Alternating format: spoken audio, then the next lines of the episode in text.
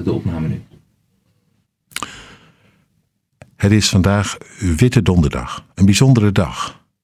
De dag waarop Jezus samen met zijn discipelen het paasgamaal at. Of je mag ook zeggen Pesach vierde. Het herinnerde aan de uittocht uit Egypte. Pascha, Pesach, voorbijgang. De engel van het gericht ging aan jouw deur voorbij als het bloed gestreken was aan de deurpost. Dat, verlossing, bevrijding, dat werd gevierd. We lezen ervan, want in dit geval krijgt het ook nog een andere betekenis. Hoor maar wat Jezus erover zegt. Ik heb er vurig naar verlangd dit Pesachmaal met jullie te eten, voor de tijd van mijn lijden aanbreekt. Want ik zeg jullie, ik zal geen Pesachmaal meer eten, totdat het zijn vervulling heeft gekregen in het koninkrijk van God. Hij nam een beker, sprak het dankgebed uit en zei: Neem deze beker en geef hem aan elkaar door. Want ik zeg jullie, vanaf nu zal ik niet meer drinken van de vrucht van de wijnstok, totdat het koninkrijk van God gekomen is. Een apart ritueel. Het gaat vooraf aan het delen van brood en het drinken uit de beker van het nieuwe verbond als teken van zijn bloed.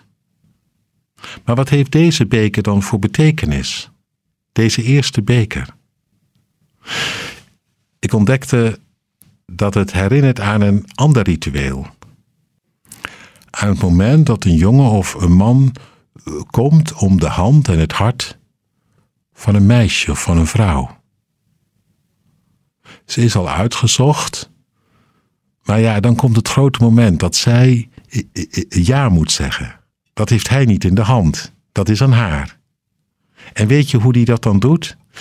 Hij neemt een beker vol met wijn en die geeft hij aan haar.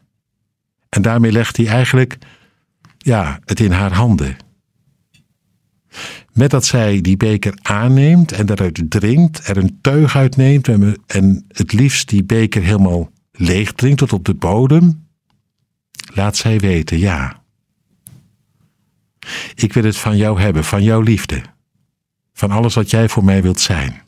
Jij mag het voor me wezen mijn leven en mijn vreugde. Dat is het wat Jezus hier doet, een hernieuwd huwelijksaanzoek. Dat is apart, vind je niet? Want het herinnert aan toen, dat eerste huwelijk bij Sinaï. Net na de uittocht uit Egypte had God zich verbonden aan Israël. En later bij monden van Hosea had hij dat zo benoemd. Ik heb jullie getrouwd, toen, daar, in geloof en liefde.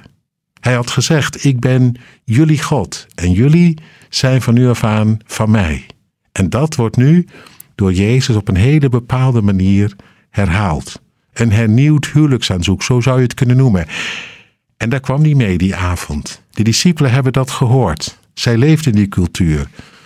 Wij mogen het vandaag ook horen. Jij, een hernieuwd huwelijksaanzoek. Misschien raakt het je wel, omdat je intussen een end van huis raakte. Een hernieuwd huwelijksaanzoek van hem. Hij dankt je niet af. Hij komt opnieuw voorbij en zegt: Hier, die beker, een teken dat ik je hebben wil. Ik kom om je hand, om je hart. Opnieuw. Desnoods, of voor het eerst, dat kan ook.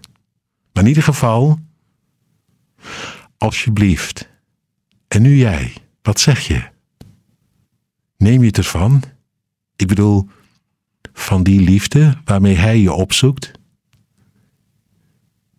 Laat die beker niet aan je voorbij gaan, alsjeblieft. Bedank er niet voor. Ook niet uit bescheidenheid van, ja, maar ik ben te min, te slecht.